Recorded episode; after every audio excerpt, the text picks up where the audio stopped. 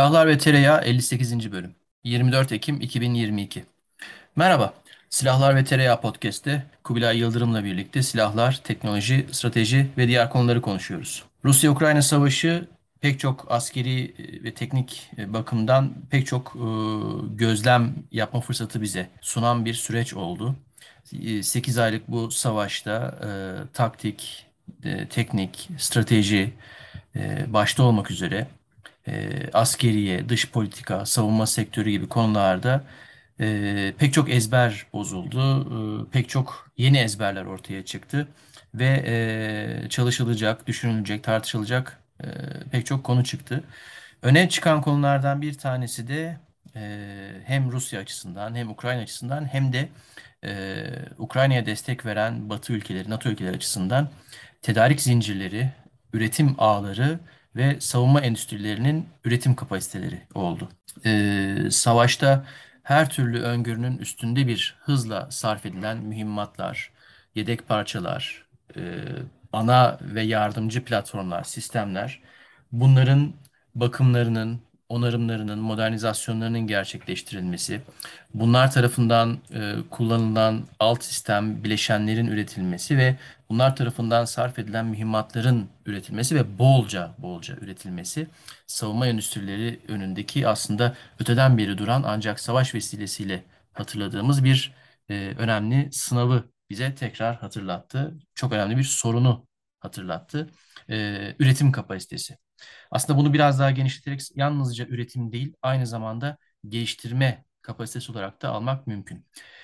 Peki o zaman biz bu bölümde ne konuşacağız? Ee, savunma sanayi nasıl çalışır, savunma sanayi nedir gibi gaz ve toz bulutundan itibaren başlatacak bir şekilde değil elbet.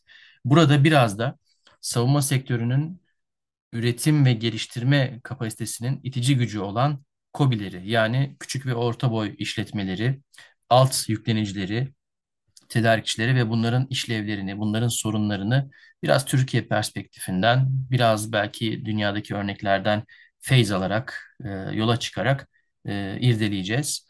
E, zaten aslında önemli olan ya da karmaşık olan bir konuyu belki daha da karmaşık hale getirerek e, bu bölümde e, görüşlerimizi sizlerle paylaşacağız.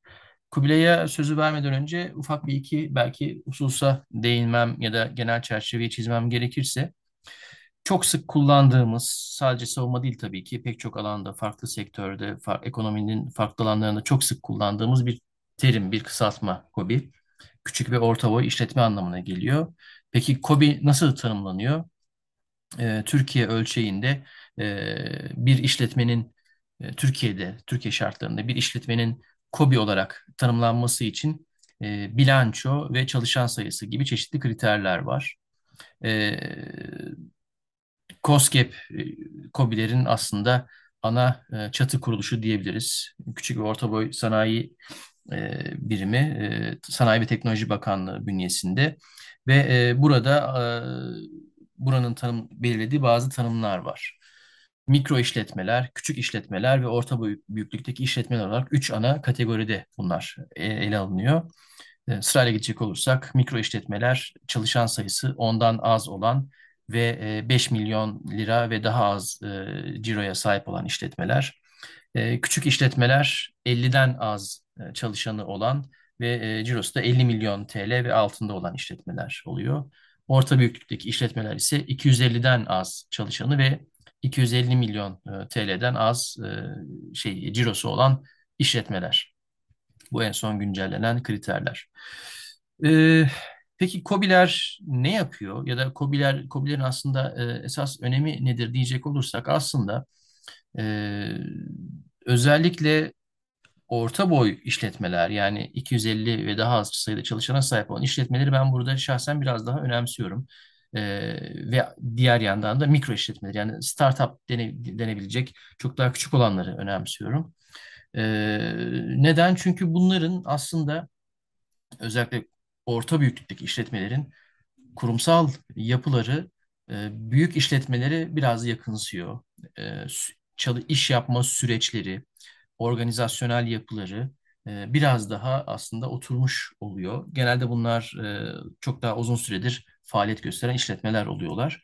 Bundan dolayı da bir kurumsal hafızaları yerleşiyor.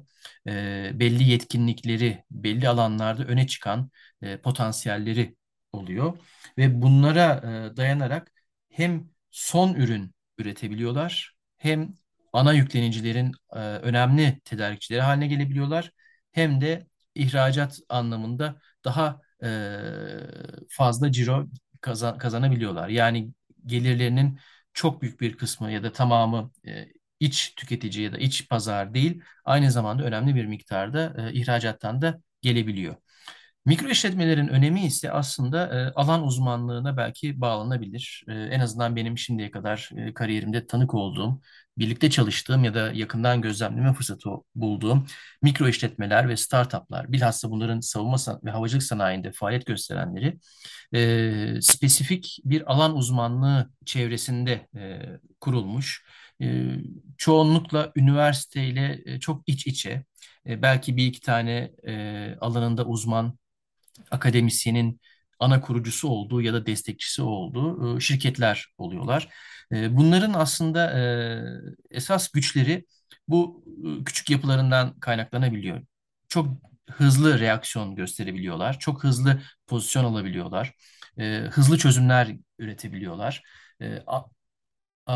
Alt yüklenici ve ana yüklenicilerin sık sık değişebilen, zaman zaman zorlayıcı olan kriterlerine, proje yapım süreçlerine, proje e, yönetim süreçlerine, e, iş yapım süreçlerine hızlıca adapte olabiliyorlar.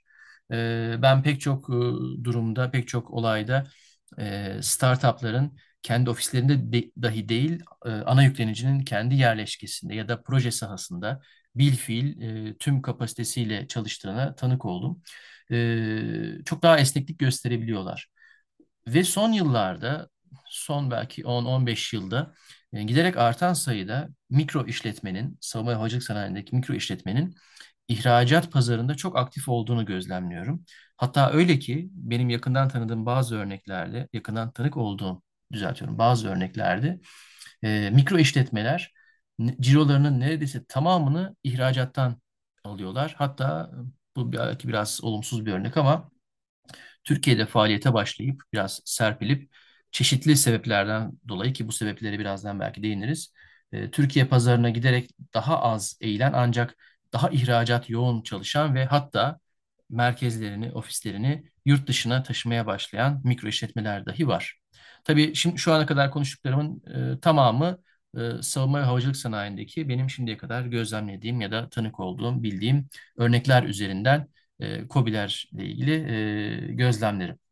E, tabii Kubilay'ın bana göre artısı özellikle otomotiv başta olmak üzere diğer imalat sektörlerine e, daha yoğun bir e, maruz şekilde maruz kalması, oralarda deneyiminin çok daha yoğun olması, e, belki e, Kubilay'ın burada e, KOBİ'lere getireceği açılım ya da e, gözlemleri çok daha farklı bir şekilde e, konuyu dallandırıp budaklandırabilir. O yüzden ben böyle bir giriş yaptıktan sonra e, Kubilay senin e, görüşlerini almak isterim. Neler de, demek istersin? Sonra da zaten e, bir dertleşme yayınına belki dönüşebilir bu yayın. Evet tabii canım öyle olur şey. E, yani çok çok parlak bir tablo e, çizebileceğimi söyleyemem. E, ama her zaman öyleyiz zaten. Ah ah ah vah vah falan deyip duruyoruz. Ve böyle de olmaya devam edecek ister istemez.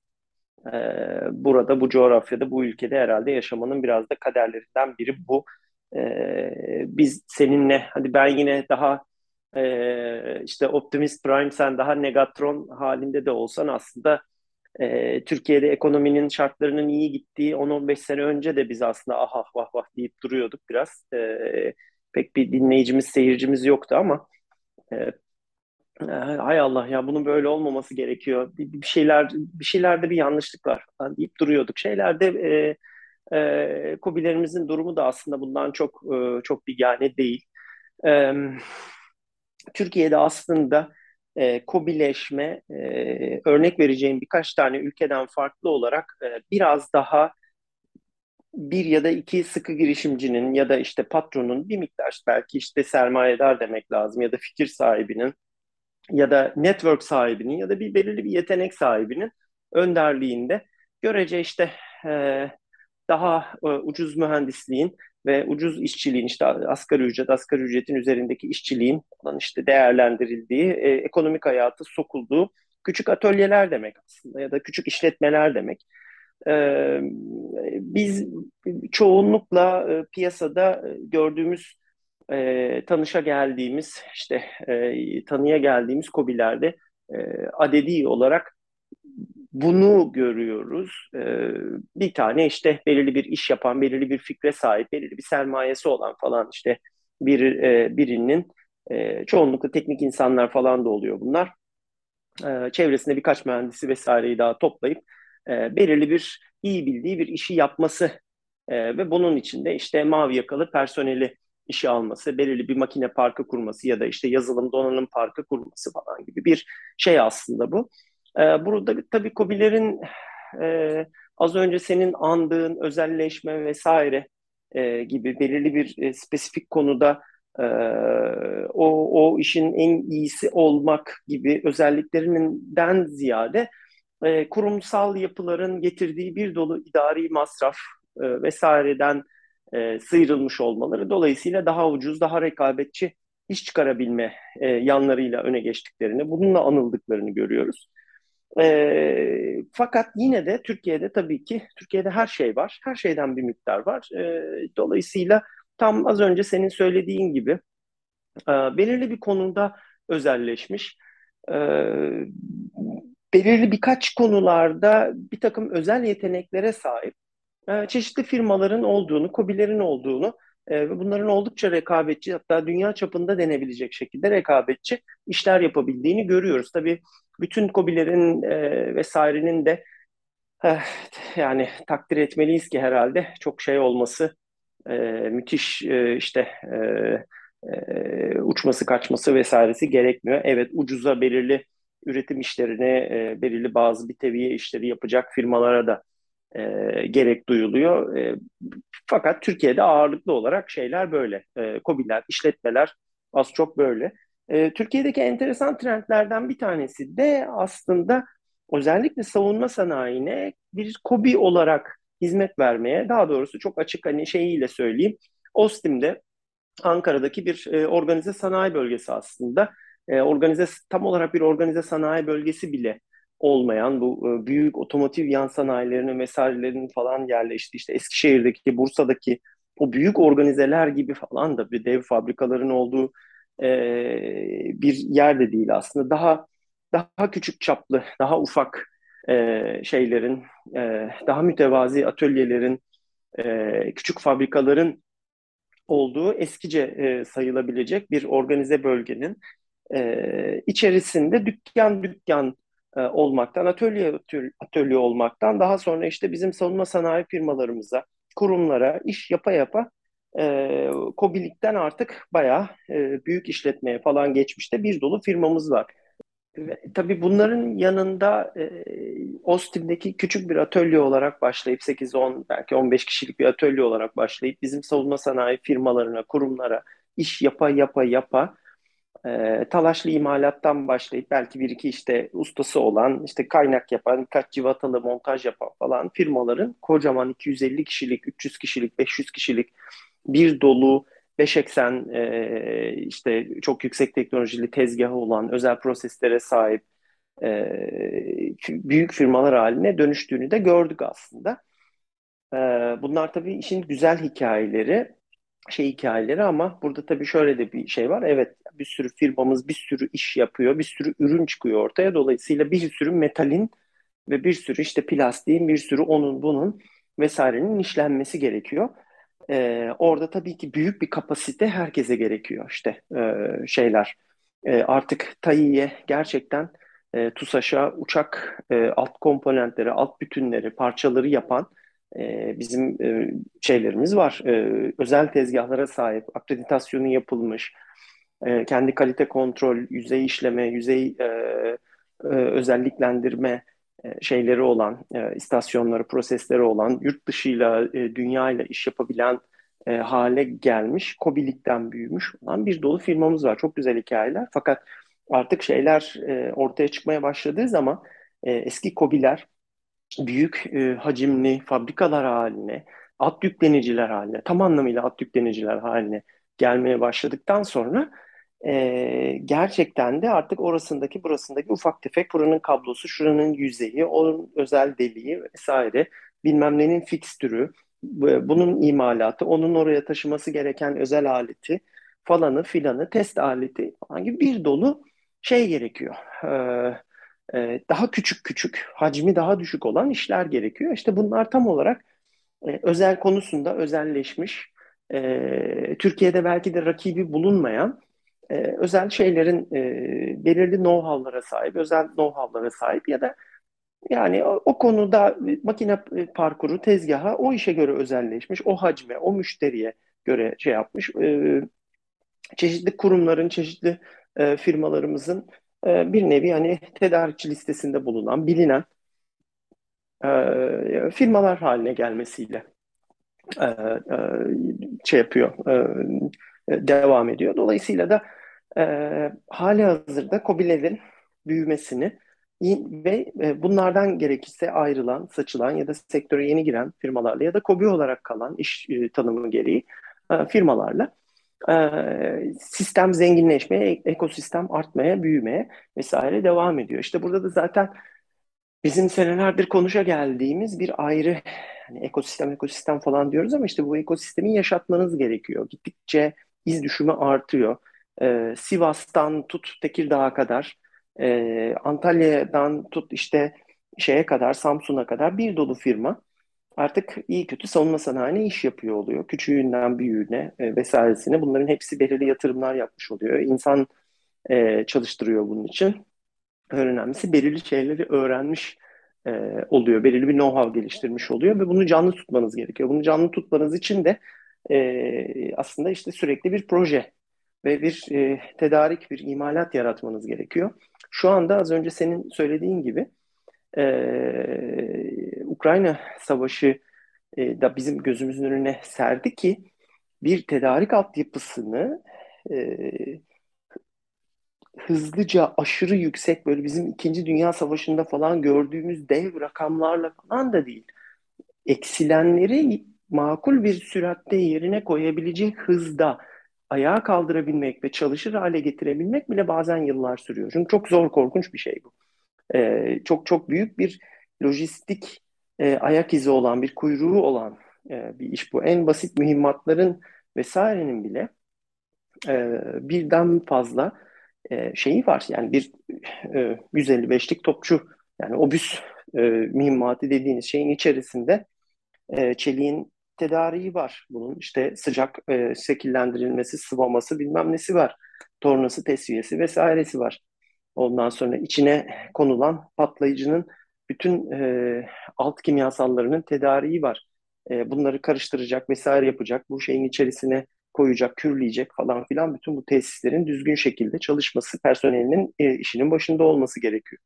E, bunun ucuna bir tane tapa takacaksınız. Bu tapanın şeyi var. E, içerisinde incik incik bir sürü küçük elektronik şey komponent var. Elektronik ve mekanik, elektromekanik komponent var. Hassas şeyler. Bir tarafta mühimmatın kendisi için çok kaba saba şeylerden bahsediyorduk. E, ama tapası tarafına geçtiğiniz zaman minicik kıl gibi şeyleri birbirine e, değdirmeniz, montelemeniz, bağlamanız vesaire işte ve e, şeylerini tabii e, kalite kontrol testlerinden vesaireden geçirmeniz gerekiyor. Birbirinden tamamen farklı, bambaşka iki ayrı e, e, e, ekosistem e, ayak izi, bambaşka firmalarla çalışıyorsunuz. Bunların hepsini ayağa kaldırıyor olmanız lazım. Ve e, bunlardan tıkır tıkır e, şey yapabiliyor olmanız lazım. İşte malzeme akışını sağlamanız lazım. Bir otomobil fabrikasının e, çip krizinden durması kadar e, lojistikten ve bu tür şeylerden etkilenen bir sektör. Bu da bir imalat sektörü yani nihayetinde.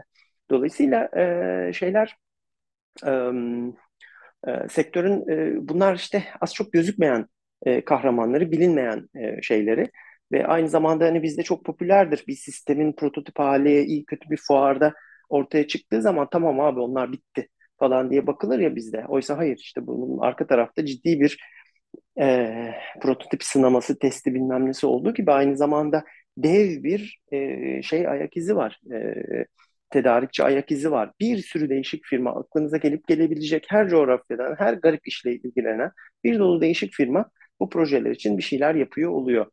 Ee, benim mesela hani bütün ilk başta e, çizdiğim karamsar tablodan sonra aslında söyleyebileceğim şey e,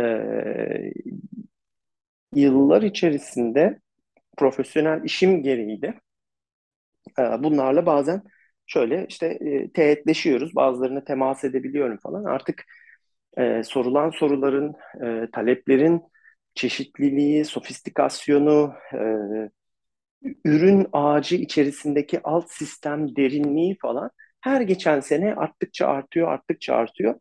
Bu bakımdan e, Türkiye epeyce yani tabii belirli şeylerde e, yani, tabii ki şeyden bahsetmek mümkün değil. E, yani bağımsızlaştığından bahsetmek mümkün değil ama belirli ürün ağaçlarında, belirli kritik ürün gruplarında, belirli e, komponent ağaçlarında aslında epeyce bir dikine entegre olmaya doğru gidiyor. Gerçekten e, tedarik e, zinciri açısından Türkiye belirli ürün gruplarında epey yurt içerisinde bitirebiliyor birçok şey. Evet malzemesi, ana malzeme, ham malzemesi yahut da dışarıdan geliyor olabilir, şudur budur, doğrudur. Bunların tedarikleri çoklanabilir.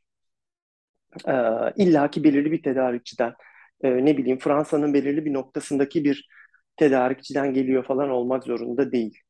Ee, bunları çoklayabiliyorsunuz. Benzer efsaflı malzemeyi oradan buradan alabiliyorsunuz. Ondan sonra e, artık işlenmeye, şekillenmeye başladığı e, yerler alt işte şey olmaya, e, montelenmeye, test edilmeye falan filan başladığı şeylerde görüyorsunuz ki artık birçok firma şey olmaya başladı.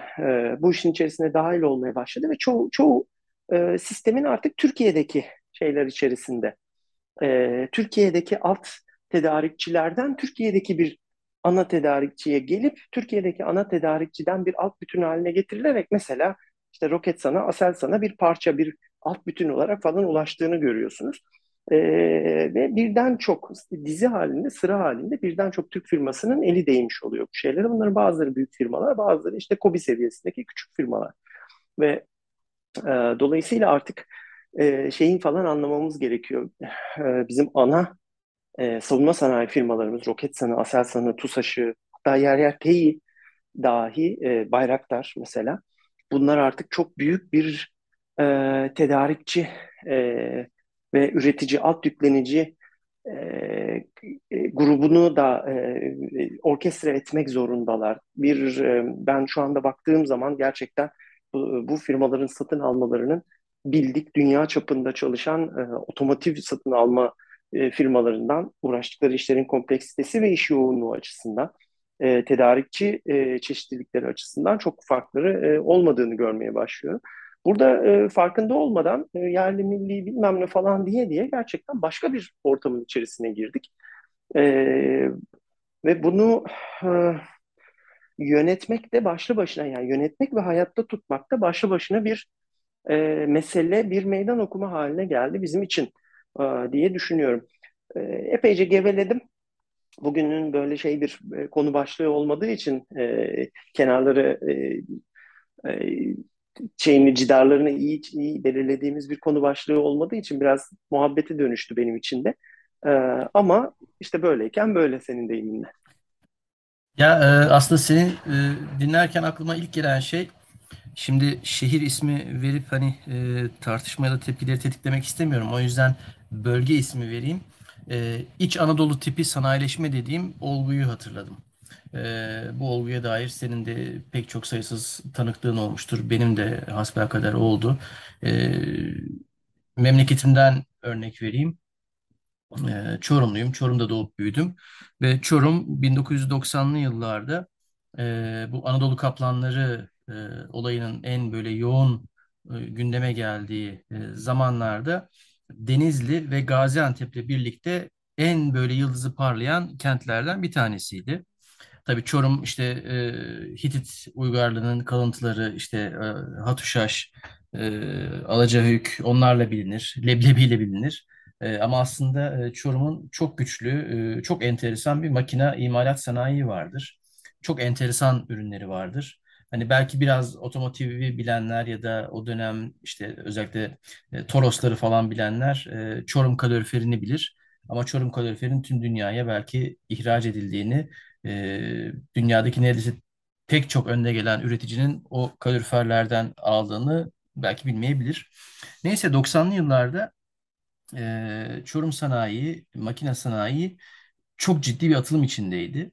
Ve o dönem e, Devlet Planlama Teşkilatı'nın bu bölgesel teşviklerinin uygulamaya konduğu dönemde e, bu makina imalat küçük e, sanayi şeyler, şi- işletmeler, şirketler e, ciddi teşvikler aldılar. Tabii sadece Çorum değil, aynı zamanda işte Denizli, Gaziantep gibi o diğer sanayisi e, atılım içinde olan illerde.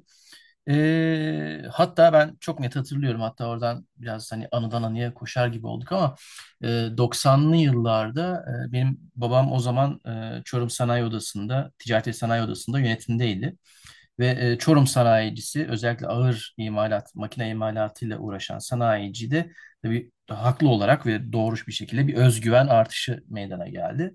E, yine o dönemde e, işte 90'ların sonları 98-99 gibi bu savunma sanayinde daha iddialı projelerin gündeme gelmeye başladığı zamanlar işte tank üretim projesi, e, taarruz helikopteri projesi e, o projelerin gündeme geldiği zamanlar Çorum savunma sanayinden e, pay alabilmek için Ankara nezdinde bir hayli yoğun kulis yaptı. E, babam o dönem bayağı bir çalışmıştı bu şeylerde. E, işte e, Çorumlu sanayiciler şeye e, Ankara'ya e, tesis ve işte kamu kurumlarına ziyaretlere gitmişlerdi. E, Ankara'dan heyetler Çorum'da sanayileri gezmişti. Toplantılar yapılmıştı. Neler yapılabilir, nasıl yapılabilir? Pek çok şey. Yani tam böyle bir çok iyimser bir havanın olduğu bir dönem. Hatta hani şöyle bir enteresan anekdot. Çorum sanayisinin ve Çorum ekonomisinin o geliştiği dönemde mesela Çorum Spor'da e, birinci ligi zorlamıştı. Böyle e, İstanbulspor'a çok böyle şanssız bir şekilde şey yaparak e, ucu ucuna e, şey yapmıştık, e, kaçırmıştık birinci ligi. Hakikaten Çorum böyle bir çehre atlamanın eşiğindeydi. O yani kapının eşiğine ayağını basmıştı. Sonra ne oldu? Sonra hiçbir şey olmadı. Ama hiçbir şey olmadı.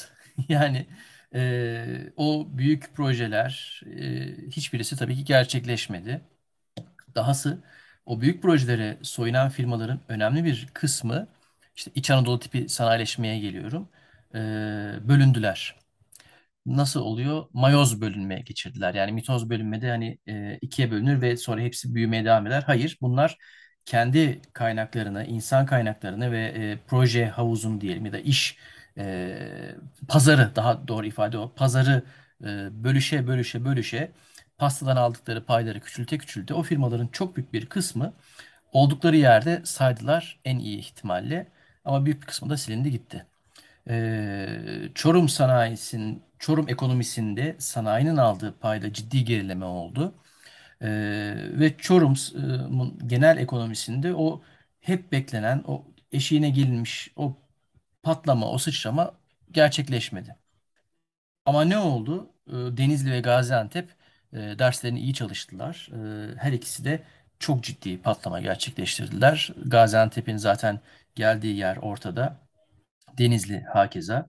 Ama özellikle Gaziantep sanırım çok daha iyi, iyi bir konumda. Hani e, veriler, göstergeler şu anda e, kolayımda değil ama e, velhasıl kelam e, Çorum Ankara'ya hem uzak hem yakın olmanın belki biraz e, şeyinden e, dezavantajını ya da avantajını yaşayarak e, önüne gelen fırsatı çok iyi yakal şey yapamadı, değerlendiremedi. Peki neden oldu bu? İşte KOBİ'lere geliyoruz yine.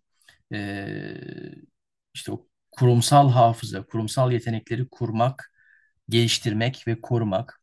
Ee, kamuyla, karar alıcılarla, son kullanıcıyla neyse işte yani devletle diyelim, yani government'la olan o ilişkiyi yönetmek, o ilişkiyi doğru beklentiler ve doğru hedefler çerçevesinde yönetmek e, rekabetin kontrollü bir ortamda ve paydaşlara ya da rakiplere zarar vermeyecek bir şekilde, onları eritmeyecek bir şekilde yönetilmesi gibi bence önemli dersler içeren bir hikayedir. Çorum'un 90'lı yıllarda sanayisinin o hikayesi. E, sonra ne oldu? 2010'ların başlarında yine Çorum'da bir savunma sanayi e, hevesi e, peydah oldu. O dönemde bu sefer ben e, sanayi odası nezdinde bazı girişimlerim oldu. Ankara'da biraz Çorum için lobi yaptım. E, sanayi odasının bazı toplantılarına katıldım. Onlardan gelen heyetlerle birlikte Ankara'da gezdik vesaire. Onlardan hiçbir şey çıkmadı. E, babamdan dinlediğim şeylerin pek çoğunu ben işte toplantılarda dinledim, konuştum. İşte özellikle e, talaşlı imalat, hassas imalat, döküm, e, bu tür e, parça, yani yapısal parça imalatında Çorumlu firmaların pay alabileceği konuşuluyordu. Özellikle işte tank, zırhlı araç projelerinde. Ben aynı şeyleri konuştum. E, geçen seneydi galiba tekrar e, Ankara'dan heyetler Çorum'a geldi. E, o işte e, şeydeki e, meclisteki e, sanayi odası meclisindeki o toplantı odasındaki yayın e, toplantı canlı yayında yayınlanmıştı. İzledim. E, 20 sene düzeltiyorum kaç? Tabii 20-25 sene önce babamın 10 küsür sene önce benim konuştuğumuz şeyler gene aynen konuşuluyordu. Talaşlı imalat, hassas imalat, döküm, freze, torna vesaire.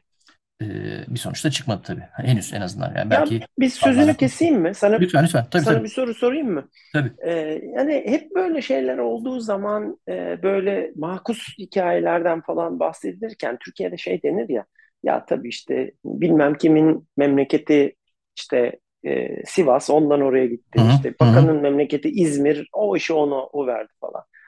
Yani e, sence bu böyle bir şeyin eksikliğinden Ankara'da bir bir Çorumlu bulunamamasından mı bu Aynen, oldu aynen sence? öyle, aynen öyle. Şimdi e, bu önemli bir faktör ve bu aslında e, yani doğru değil demeyeceğim ama e, hayatın bir gerçeği. Bu, bu e, lobicilik e, aslında bir, serbest piyasanın belki bir getirisi. Her ilin Ankara'da bir lobisi var. E, bu lobiler e, şimdiye kadar milletvekilliği üzerinden işliyordu. Ee, hani tabii burada çok güncel siyasi siyasi tartışmaya girmek pek istemem ama e, yaygın olarak konuşulan bir şey olduğu için de zikretmekte beis yok. E, Cumhurbaşkanlığı yönetim sisteminin önemli bir yan etkisinin de milletvekillerinin bu lobi güç, gücünün çok azalmış olması olduğu söylenir. Hani e, milletvekillerinin artık eskisi kadar bir e, e, idare üzerinde, yürütme üzerinde o lobi güçleri kalmadığı için esas güç bakanlarda toplandığı için o memleket bazında, il bazında hani bu Ankara'daki e, lobi faaliyetlerinin, e, kulis faaliyetlerinin eskisi gibi olmadığı söylenir. Ama Çorum'un örneği burada değil tabii. Çorum çok doğru söylüyorsun. E, o şeyden her zaman bir mahrum oldu. O e, o gücü zaman zaman yakaladı. Ankara'da e, gerekli yerlerde o kulis gücüne, o yüksek ses ya da etki nüfuz alanını, ala- e, nüfuz potansiyeline zaman zaman sahip oldu ama bunu hiçbir zaman iyi bir şekilde değerlendiremedi. Mesela Çorum'un e, çok böyle yıllardır kanayan bir yarası diyelim. E, gündemindeki önemli bir madde havaalanıdır. E, Çorum'a bir havaalanı e, inşasıdır. E, önce işte Merzifon'daki beşinci anajet üssünün sivil uçuşlara da açılmasıyla bu e, hülya çok ciddi bir e, hasar aldı, zarar aldı. Daha sonra da Yozgat'a havaalanı açılması. Neden? E, Bekir Bozdağ, Yozgat milletvekili, bakan ve çok güçlü bir şey. Bu arada ben yani Çorum'da yaygın konuşulan şeyi anlatıyor, aktarıyorum. Yani bu detayları çok iyi takip etmedim o süreci. Ee, Bekir Bozdağ faktöründen dolayı Yoz, Yozgat'ın havaalanı yatırımında öncelik aldı ama Çorum'un kendi iletişim kanallarını, lobisini etkili bir şekilde kullanamadığına dair çok yoğun tartışmalar, eleştiriler olmuştu. Bu altyapı yatırımları, ulaştırma yatırımları, e, iş geliştirme faaliyetleri ne dersen bunların hepsinde etkili bir şey ve Evet yani Çorum bu Ankara nezdindeki o kulis e, potansiyelini var idiyse dahi e, çok iyi bir şekilde bence seferber edemedi. Ve bu evet yani e, çok güçlü bir faktör. E, Çorum dışarıya çok göç vermiş, hala veren bir il. İstanbul'da, Ankara'da, özellikle Ankara'da çok fazla var. Ama işte burada o dağınıklık, o e, güç birliği yapamamanın e, zararlarını çok çekti. Aslında bu açıdan da belki biraz mikro Türkiye örneği diyebiliriz. Biz de hep işte silahlar veteranında geçmiş bölümlerde zaman zaman değindik. Mesela Amerika'daki, Avrupa'daki Türkler, e, Türk meslek örgütü yani Türk önde gelen meslek erbapları, ekonomik ya da siyasi güce sahip olan Türkler, bunların hepsi dağınık ve bu dağınıklığı özellikle Amerika'da o lobi faaliyetlerinde e, biz e, şeyini çekiyoruz, yani acısını çekiyoruz. Benzer şekilde aslında mikro ölçekte Tür- e, Çorum'da e, bu şey eksiklikten e, çok ciddi şekilde zarar gördü. Tabii bu faktörlerden sadece bir tanesi. İşte buradan da aslında şuna geliyoruz. E, KOBİ'lerin e, hem münferit yani kendi başlarına gelişmeleri hem de aslında birer ekosistem, birer küme olarak gelişmeleri yalnızca kendi kapasitelerine bağlı değil. Yalnızca kendi iş geliştirme kapasitelerine, iş yapma becerilerine sahip değil. Aynı zamanda kendilerine e, paylaşabilecekleri ve herkesin karnının doyabileceği o bir, e, bir birer dilim aldığında herkesin karnının doyabileceği bir pasta yaratabilmeleri, birlikte hareket edebilmeleri. İşte burada aslında bir tartışmaya da geliyor konu. Ee, mesela işte bu teknokentler. Ee, teknokentlerin esprisi nedir? Fiziksel olarak pek çok mikro işletmeyi ve küçük boy işletmeyi bir araya getirirsiniz. O fiziksel yakınlıktan, coğrafi yakınlıktan e, çok farklı tırnak içinde sinerjiler oluşabiliyor. Ve ben işte e, uzun süre Teknokent'te e, bir ofis olan bir firmada çalıştım. Teknokent havasını çok kokladım. Ve hakikaten de böyle. Yani bir çay kahve molasında dahi ya da bir öğle yemeği molasında pek çok farklı firmadan insanlarla, arkadaşları bir araya gelerek çok enteresan fikirleri birdenbire oluşturabiliyorsunuz. Küçük boy işletmelerin aslında o bahsettiğim dinamizmi, esnekliği buradan geliyor. Çok hızlı bir şekilde reaksiyon alınabiliyor.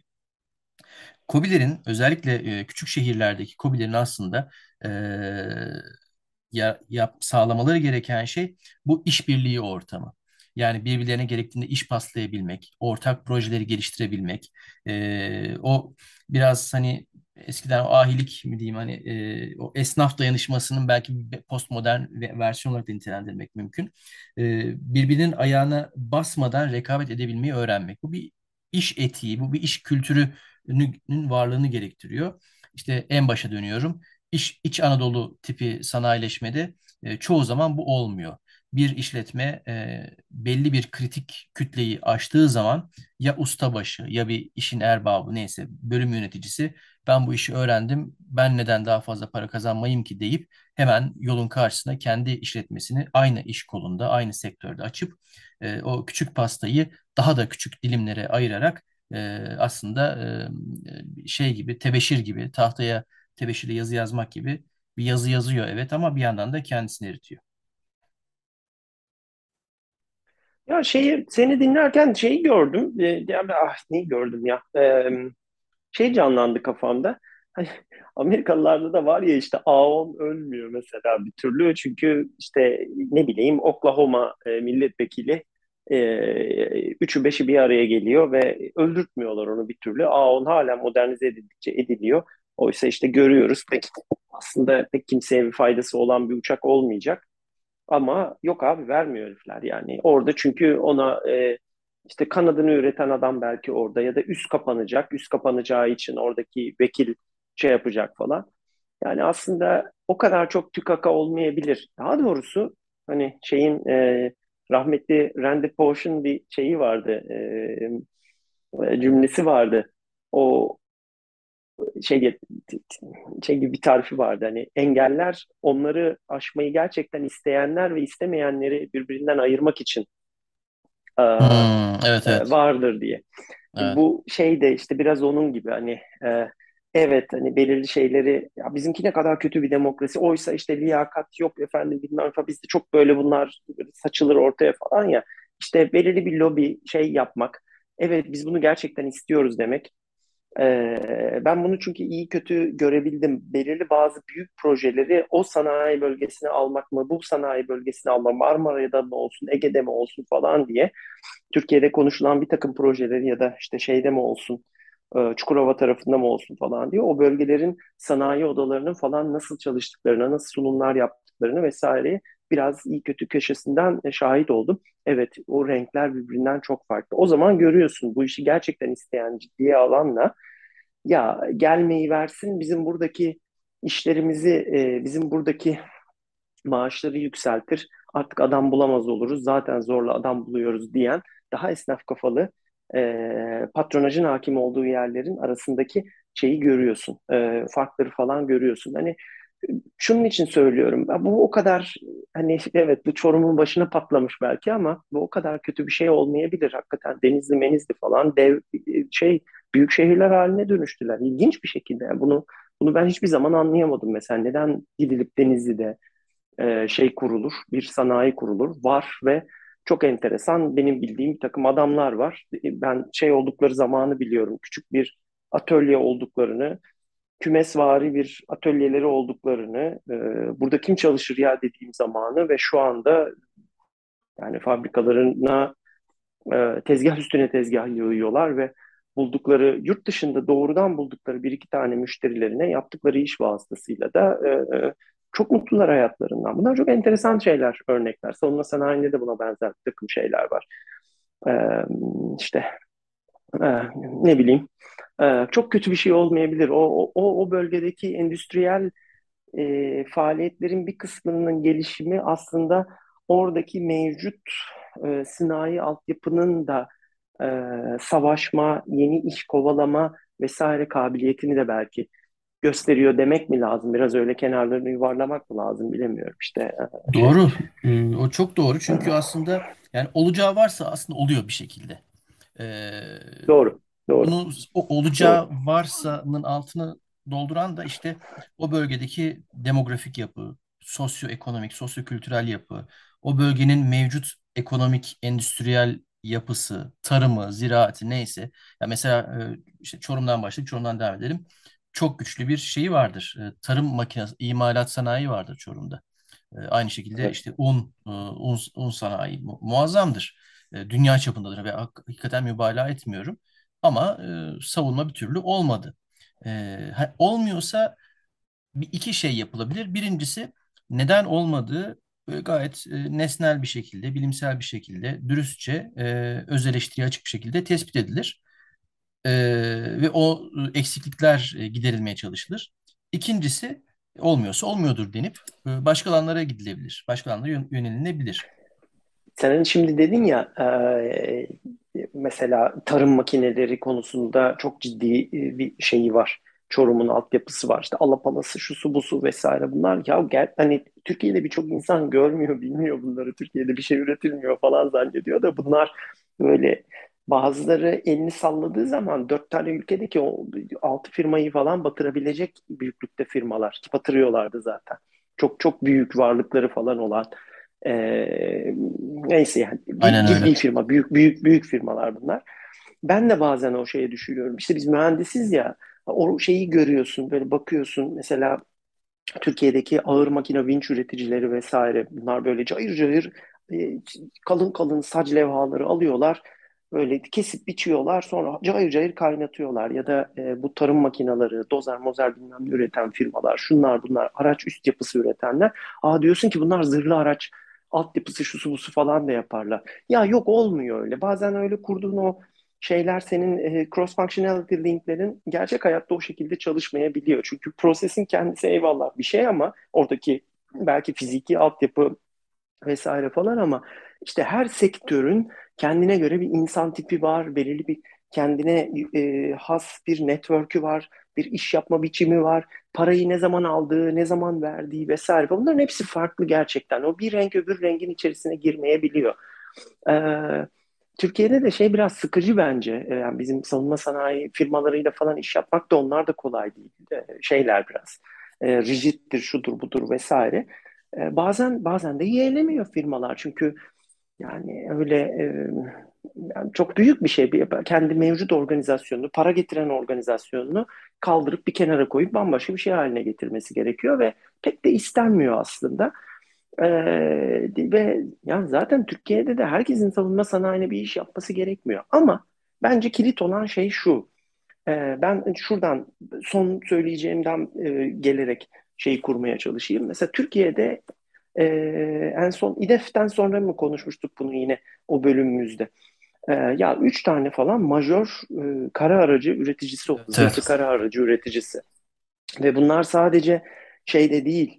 Yani 20 sene önceki gibi e, lisans altında üreten yap, üretim yapan firmalar değil. Kendi Özgün tasarım. tasarımlarıyla başlayıp kesinlikle özgün tasarım ve artık bu özgün tasarımlar Avrupa'da, dünyada falan fiyat, maliyet ve performans vesaire fiyat maliyet değil, fiyat performans açısından da hele bir de yani e, yani nasıl diyeyim e, şöyle bir operasyonel konseptin ya da işte hani gerçek muharebenin şeylerinden de koşullarından da bir miktar tatmış e, olmaları itibariyle de çok özel bir konumda da duruyorlar. Yani insanların aslında şey alması lazım. Bak bu da biraz şeyi gösteriyor.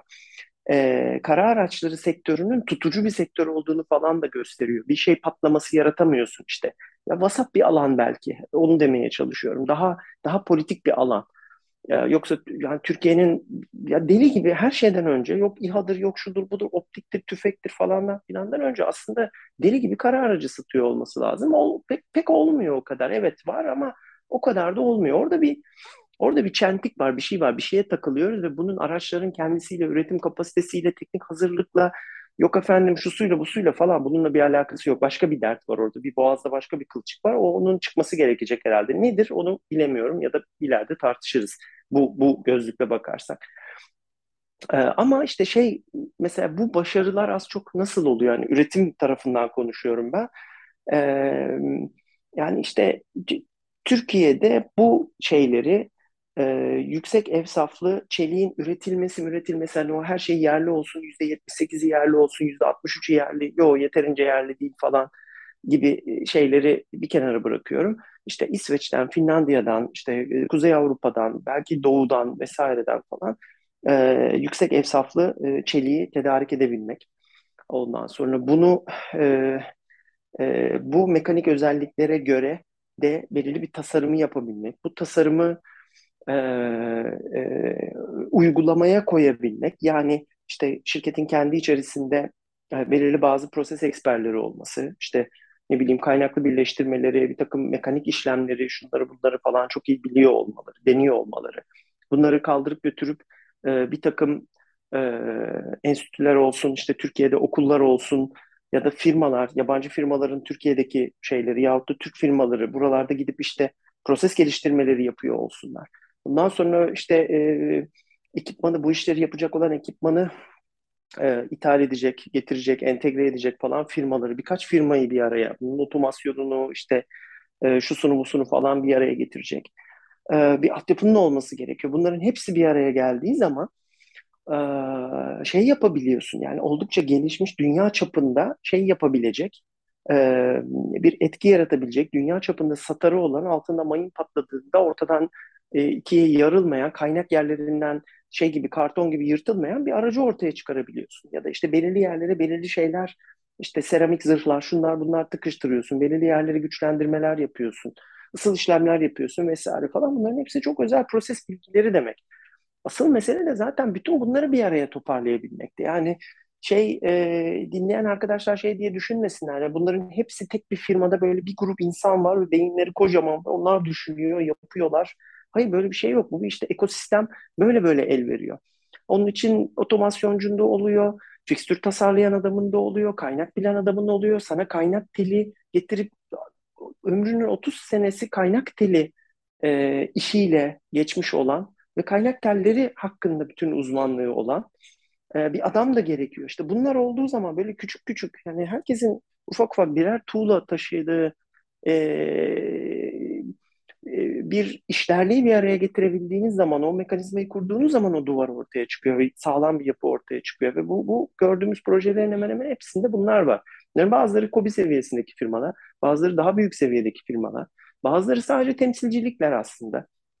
Yabancı firmaların, yabancı şeylerin e, Türkiye'deki e, operasyonları vesaire. Hiç bunlara da şey demeye gerek yok. Bunlar da yani şöyle söyleyeyim size daha doğrusu gerçekten de hani zırhlı araçlarda bu kadar iyi olabilmemizin sebebi Avrupalı bazı kaynak makinesi üreticilerinin Türkiye'deki altyapıları, Türkiye'deki satış, dağıtım vesaire ve aynı zamanda proses uzmanlığı ekipleri çok iyi diye buralara kadar gelebiliyor. Çünkü ortak şey üretiyorsun.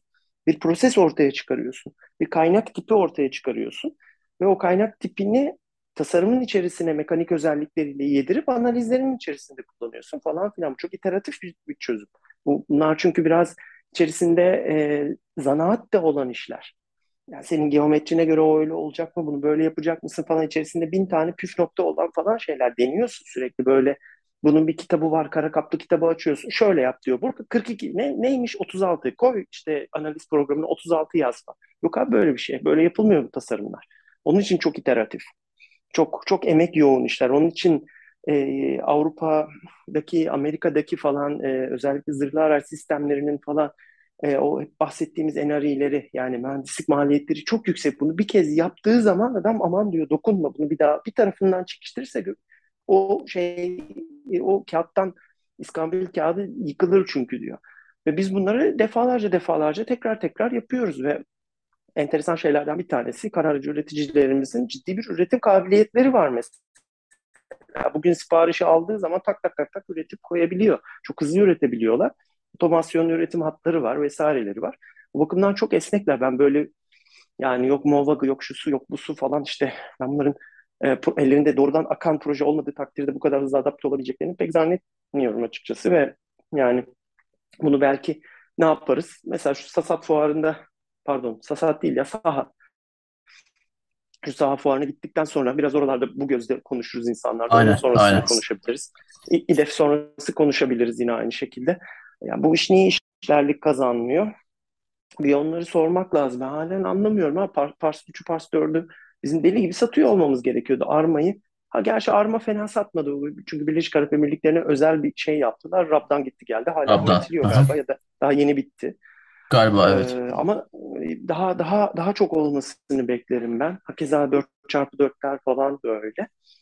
Ee, evet yani ben şu anda konuşurken kendi kendime şimdi e, böyle bir aşka geldim. Evet bu, bu, bunun belki de cevabını aramalıyız. Ee, neden gitmiyor bu işler diye. Ee, belki bu saatten sonra yani şeylerin Ukrayna Savaşı'nda vesairede gördü herkes ki e, zırhlı araç dediğin şey var. Büyük kalibre silah önemli. Büyük kalibre silah e, bir dolu mühimmatı taşımak için aracın büyümesi gerekiyor. Aracın zırhlanması da gerekiyor. Bu arada araçlar büyüyor falan filan derken işte e, bunların adetli de olması gerekiyor. İşte buralarda böyle bir yeni bir şey var. Ha Avrupalı'nın halen cebinde akrep var. Halen hiç kimse doğru dürüst bir proje yapmıyor. E, doğru bir tarih projesi yok. E, patır patır açıklanan projeler genelde hava savunma, F-35. F-35 ile birlikte Patriot alalım, ikisi birlikte konuşsun. Varsa IBCS ile de donatalım, e, şey yapalım işleriydi. E, şimdi Ukrayna Savaşı'nın karada, sahada getirdiği şeyler anladığım kadarıyla henüz hazmedilmedi. E, oradan da bir takım şeyler çıkabilecektir diye tahmin ediyorum ben. Ya ha bir, bir tabii Polonya var işte onu da konuştuk zaten deli gibi. Onlar ne bulsalar alıyorlar şu anda. Kore'nin e, showroom'u gibi oldular. E, ama o yan, yanındaki, önündeki, arkasındaki başka ülkelere de herhalde sirayet edecektir. Yavaş yavaş biz de herhalde bundan faydalanabiliriz diye düşünüyorum. Kara araçları vesaireler falan filan açısından. Füzelerimizden çok emin değilim. E, Avrupa isterlerini karşılayabilecek kadar iyi mi vesaire mi falan o ayrı bir konu. Biraz da o sistemleri bizim ihtiyacımıza ve kabiliyetlerimize göre yapıldı. Ee, ama araçlar tarafında pek bir şey diyemem. Bilemiyorum. Ee, son olarak kapatmadan önce benim özel önemli e, vurgulamak istediğim bir husus var. Belki yani meselenin başka bir boyutuna aslında dikkat çekmek istiyorum diyelim. Ee, COBİ'lerin yine savunma havacılık sektörü üzerinde söylüyorum ama muhtemelen diğer sektörlere de e, bu aynı şekilde uyarlanabilir. COBİ'lerin ana yükleniciyle kurdukları ilişki tabii işin doğası gereği asimetrik bir ilişki. E, finansal güç, kurumsal kültür, kapasite anlamında, e, esneklik anlamında çok farklı, farklı çok değişik farklılıkları var. Şimdi e, bu ilişki iyi bir şekilde yönetilirse eğer Kobi özellikle e, yeni kurulmuş olsun, daha deneyimsiz bir şirket olsun.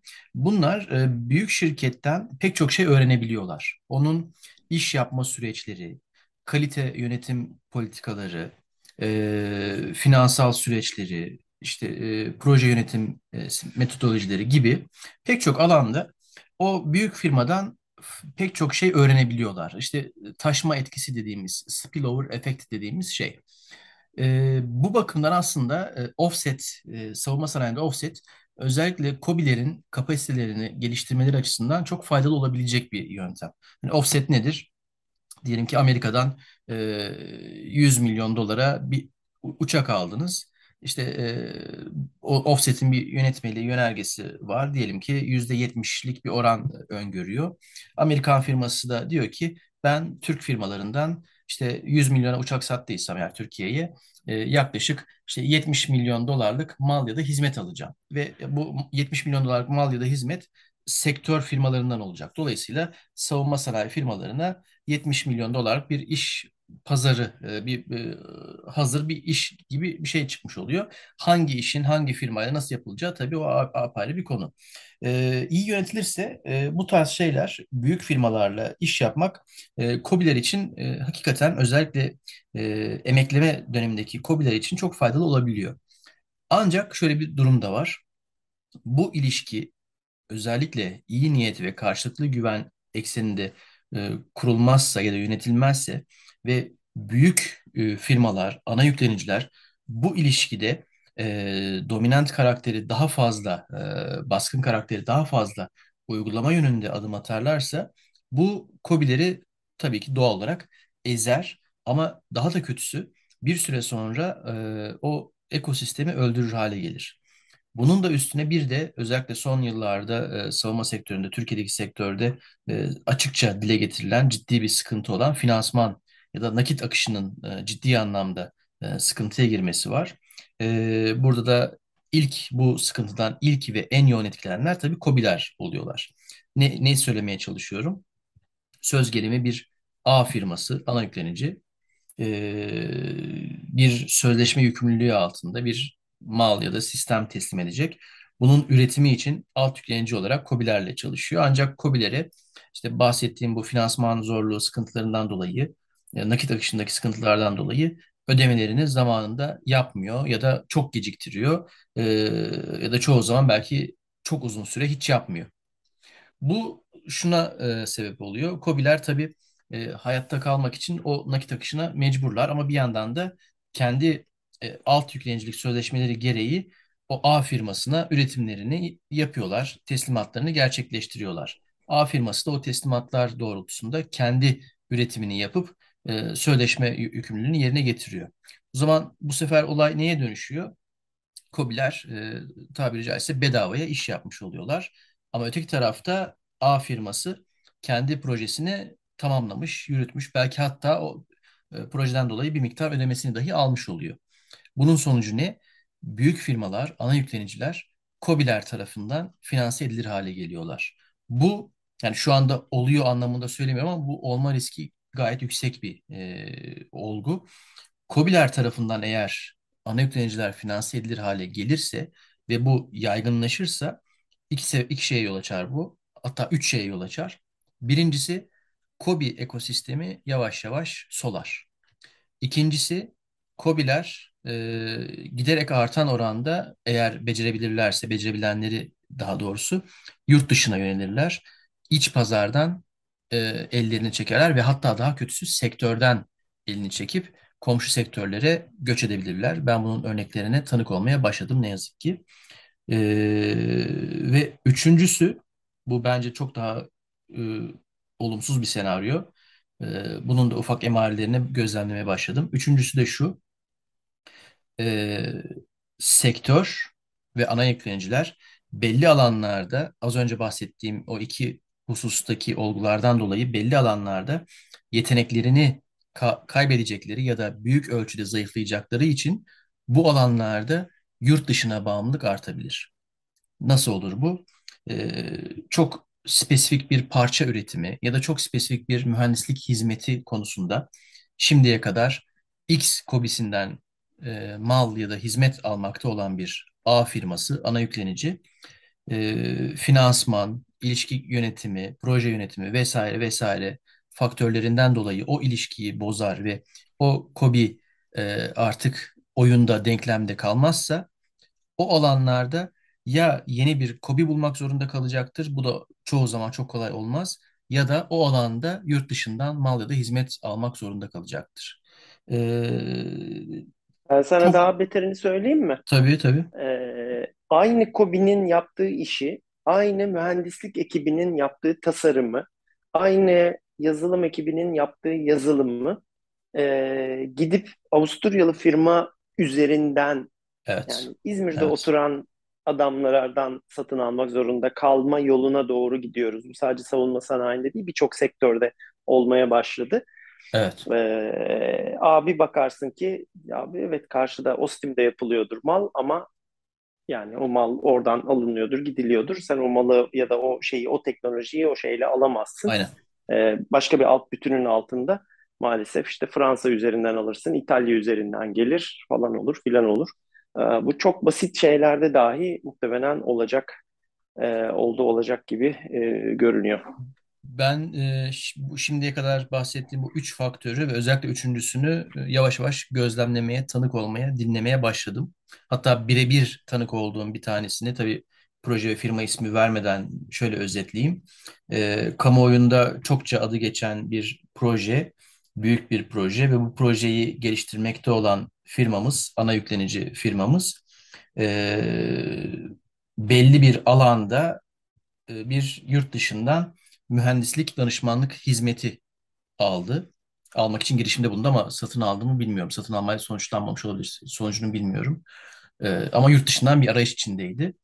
Ve o konu, o yurt dışından hizmet almak için e, girişimde bulunduğu o konu e, bir önceki projesinde zaten e, geliştirmiş olduğu, bünyesinde mevcut sahip olduğu bir kabiliyetti.